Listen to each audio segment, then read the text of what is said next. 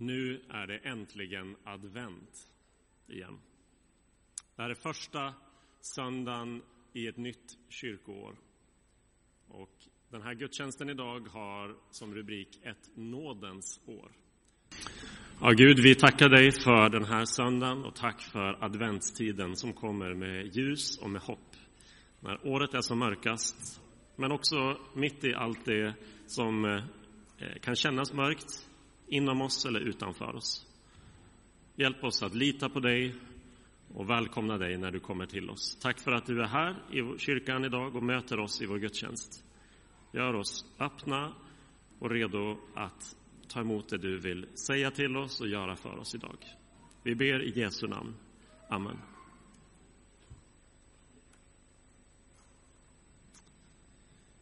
I början av alla gudstjänster här i Roseniuskyrkan så får vi komma till Gud med vår bön och vår bekännelse. Sånt som eh, vi gör eller säger eller tänker kan tynga vårt samvete därför att vi vet att ah, det liksom stör vår gemenskap med andra, våra föräldrar eller syskon eller vänner. Det kan också störa vår kontakt med Gud när någonting känns, det där blev inte bra, nu gjorde jag något som var oschysst, som fick någon annan att bli ledsen och känna sig dum. Så förstör det, eh, eller stör det också vår kontakt med Gud. Därför får vi komma till Gud och så får vi be om förlåtelse och när vi gör det så är Gud alltid sån att han förlåter oss, vad det än finns som vi behöver ta upp med honom, så förlåter Gud oss. Och så får vi känna oss fria och glada igen att leva tillsammans med Gud och med varandra. Så nu ska vi be och bekänna tillsammans. Vi använder den vanliga syndabekännelsen. Om du kan läsa så kan du titta på skärmen och stämma in i den. Eh, om du inte kan läsa kanske du har hört den här förut i kyrkan och kan försöka följa med lite grann. Jag bekänner inför dig, helige och rättfärdige Gud, att jag har syndat med tankar, ord och gärningar. Jag har inte älskat dig över allting, inte min nästa som mig själv. Genom min synd är jag skyldig till mer ont än jag själv förstår och har del i världens bortvändhet från dig. Därför ber jag om hjälp att se och bryta med mina synder.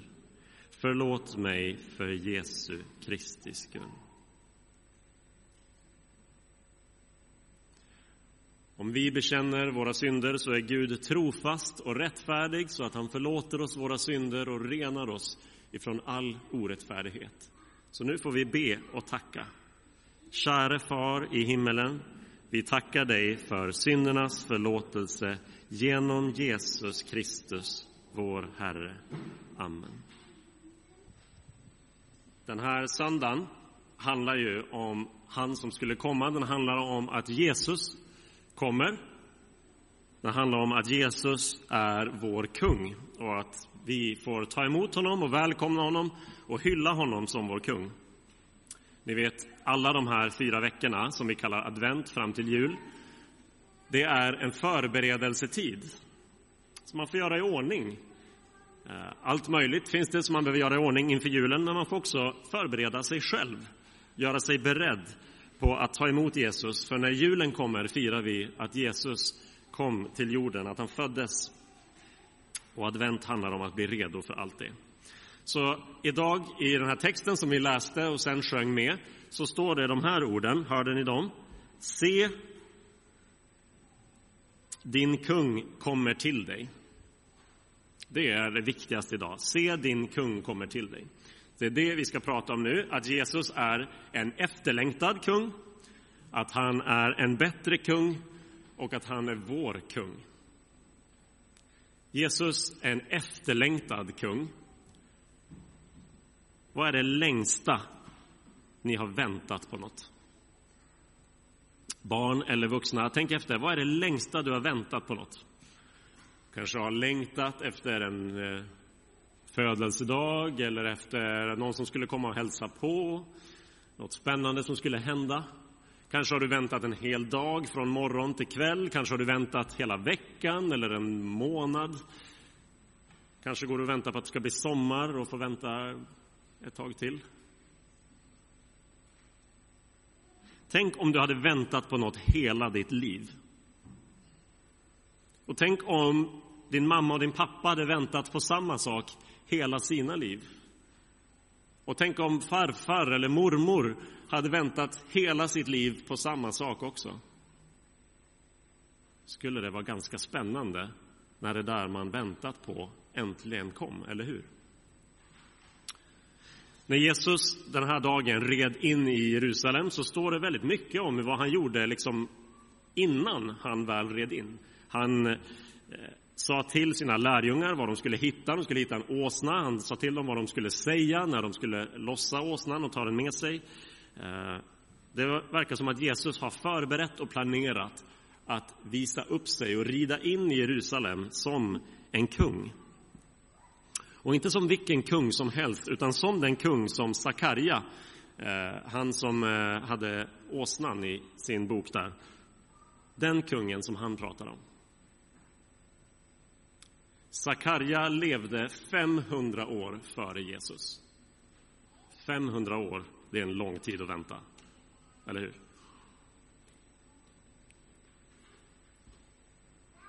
Jesus visar upp sig som kungen, som Guds folk, som Israel hade väntat på i 500 år. Han planerade noggrant och han red in den dagen mot Jerusalem på en åsna för att visa, nu är jag här. Nu är kungen som ni väntat på här. Och många av dem som följde med Jesus och såg det, de gjorde det som vi gjorde alldeles nyss. De ställde sig upp, eller ja, de satt nog inte från början, men de stod upp och de sjöng och ropade och de la palmblad på marken. De la till och med kläder som om det vore en sån här röd matta som man rullade ut för berömda personer som Spaniens kung när han landade på Arlanda tidigare den här eh, veckan. Vet ni vad folket ropade och sjöng? Hörde ni vad de kallade Jesus? De kallade honom för Davids son. Sakarja levde, för 500, eh, levde 500 år före Jesus. Kung David, ni vet han som eh, slogs mot Goliat och gjorde en massa annat, både en del bra och en del dåligt. Han levde dubbelt så lång tid före Jesus som Sakarja gjorde. Är det någon som vet vad dubbelt så mycket som 500 är? Tusen år tidigare levde kung David. Och när han gjorde det så sa Gud till kung David, din son ska vara kung för alltid. Så när Jesus visar upp sig som kungen så säger han, jag är den ni har väntat på i 500 år. Och folket svarar, ja inte bara det, du är den vi har väntat på i tusen år. Och till och med ännu längre, eftersom redan Mose fick höra om någon som skulle komma. Så Jesus var en efterlängtad kung. Inte konstigt att människor blev glada när de hade väntat i tusen år på honom. Men Jesus är inte bara en efterlängtad kung, han är också en bättre kung. Han är till och med en bättre kung än de hade önskat sig. Vad var det som var så speciellt med Jesus den där dagen när han red in? Sofia sa någonting om det. Hur brukar kungar göra när de visar upp sig? Man tar det finaste, det ståtligaste, det mest imponerande man kan hitta. Idag kanske det inte är hästar nödvändigtvis, det kan vara fina bilar eller flygplan eller annat. Men på Jesu tid hade det varit den liksom ståtligaste, största hästen och mäktiga vapen och massa människor som går framför.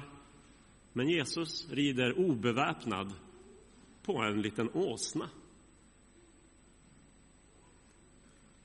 Så han säger att han är inte som de där andra kungarna som eh, finns i världen som kommer för att skryta och visa upp sig, visa att de är starkast och som kommer med krig. En sån kung hade faktiskt ganska många velat ha på Jesu tid. Många hade önskat en krigarkung, för det fanns fiender runt omkring dem. Romerska soldater och andra som styrde och ställde på ett sätt som man inte tyckte om. Och kanske var det till och med några som som hoppades att Jesus skulle vara den sortens kung som skulle slåss och kämpa. Och Jesus säger, jag är en bättre kung än vad ni vill ha. Jag kommer med fred för er och för hela världen. Och Jesus är inte bara en bättre kung än de ville ha, han är en bättre kung än alla vi människor förtjänar. Han är mäktigast av alla. Han behövde inte en häst eller vapen för att visa hur stark han var. På vägen till Jerusalem hade han botat sjuka. Han hade uppväckt både en och två personer som var döda. Han hade redan visat att han var starkast av allt i världen. Ändå rider han enkel på en åsna. Han är ödmjuk istället för skrytsam, självuppoffrande istället för att liksom trycka ner andra. Så Jesus, han är olik alla kungar i världen och olik hur du och jag är. När vi har något som vi är bra på, något som gör att vi känner oss starka och tuffa och coola, så är det så lätt att vi använder det för att liksom skryta över andra, visa hur mycket bättre vi är och få andra att känna sig små. Men Jesus använde all sin styrka, all sin makt inte för sin egen skull, inte för att bygga upp sig själv och trycka ner andra, utan för att kämpa och besegra våra värsta fiender, synden och döden och djävulen. Så Jesus var en efterlängtad kung. Jesus är en bättre kung än vad vi visste att vi ens behövde. Och Jesus är vår kung. Allt det goda som vi längtar efter finns hos Jesus. För fortfarande idag längtar väl vi efter fred runt omkring oss. Fortfarande idag längtar vi efter frid och fred här inne på insidan. Vi längtar efter och behöver någon som bryr sig om oss och visar oss vägen. Vi längtar efter någon som kan ge oss kontakt med Gud som har skapat oss men som vi inte kan nå fram till själva. Allt det vi längtar efter finns i vår kung Jesus. Och han är en bättre kung än allt annat som kan styra och ställa i våra liv. För han har gett oss fred med Gud. Istället för att använda sin makt för sin egen skull så använder han den för att kämpa mot och besegra våra fiender, till och med när han själv dog på kuppen. Men så uppstod han igen och Jesus ska nu vara kung för alltid. Jesus är en efterlängtad kung Jesus är en bättre kung och Jesus är vår kung. Det är det vi firar i advent och i jul. Och vi som vill fira Jesus, vi som vill hylla honom, vi kan nu göra det genom att ställa oss upp igen och så ska vi tillsammans bekänna vår tro på Jesus och du som kan den här utan till, du har inga problem. Du som kan läsa kan se på skärmarna vad vi ska säga.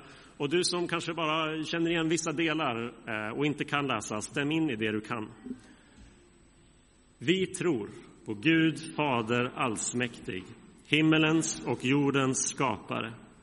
Vi tror och på Jesus Kristus, hans enfödde son, vår Herre, vilken är avlad av den helige Ande född av jungfrun Maria, pinad under Pontius Pilatus, korsfäst, död och begraven, nederstigen till dödsriket, på tredje dagen uppstånden igen ifrån de döda, uppstigen till himmelen, sittande på allsmäktig Gud Faders högra sida, därifrån igenkommande till att döma levande och döda.